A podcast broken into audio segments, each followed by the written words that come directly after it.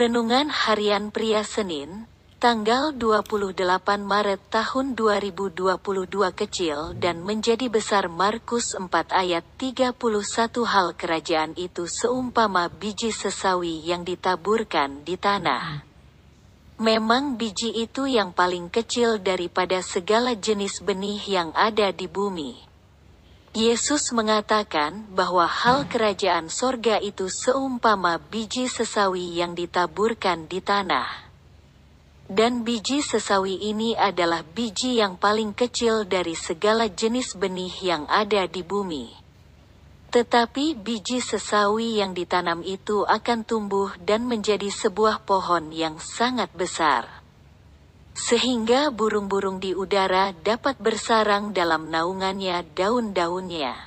Pengajaran Yesus itu mempunyai arti bahwa segala sesuatu yang berkaitan dengan kerajaan sorga, walaupun kecil, sepertinya tidak berarti apa-apa, tetapi jika ditanam, maka akan tumbuh menjadi besar, bahkan sangat besar.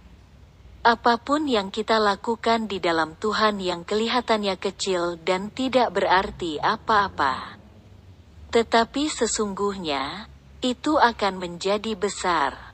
Sebagai contoh, kita menghafal satu ayat firman Tuhan dalam satu minggu, dan kita sudah lakukan, dan belum kelihatan hasilnya dalam kehidupan kita.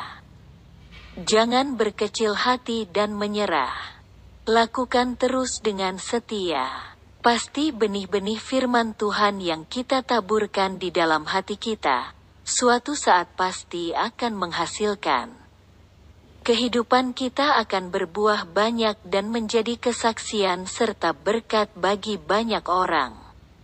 Kecil jika di tangan Tuhan akan menjadi besar bahkan sangat besar. Refleksi diri. Apa yang firman Tuhan katakan kepada Anda? Bagaimana kehidupan Anda dengan firman Tuhan itu? Catat komitmen Anda terhadap firman Tuhan itu. Doakan komitmen Anda itu, pengakuan iman. Dengan pertolongan Tuhan saya setia menghafal ayat-ayat firman Tuhan, dan saya berbuah banyak.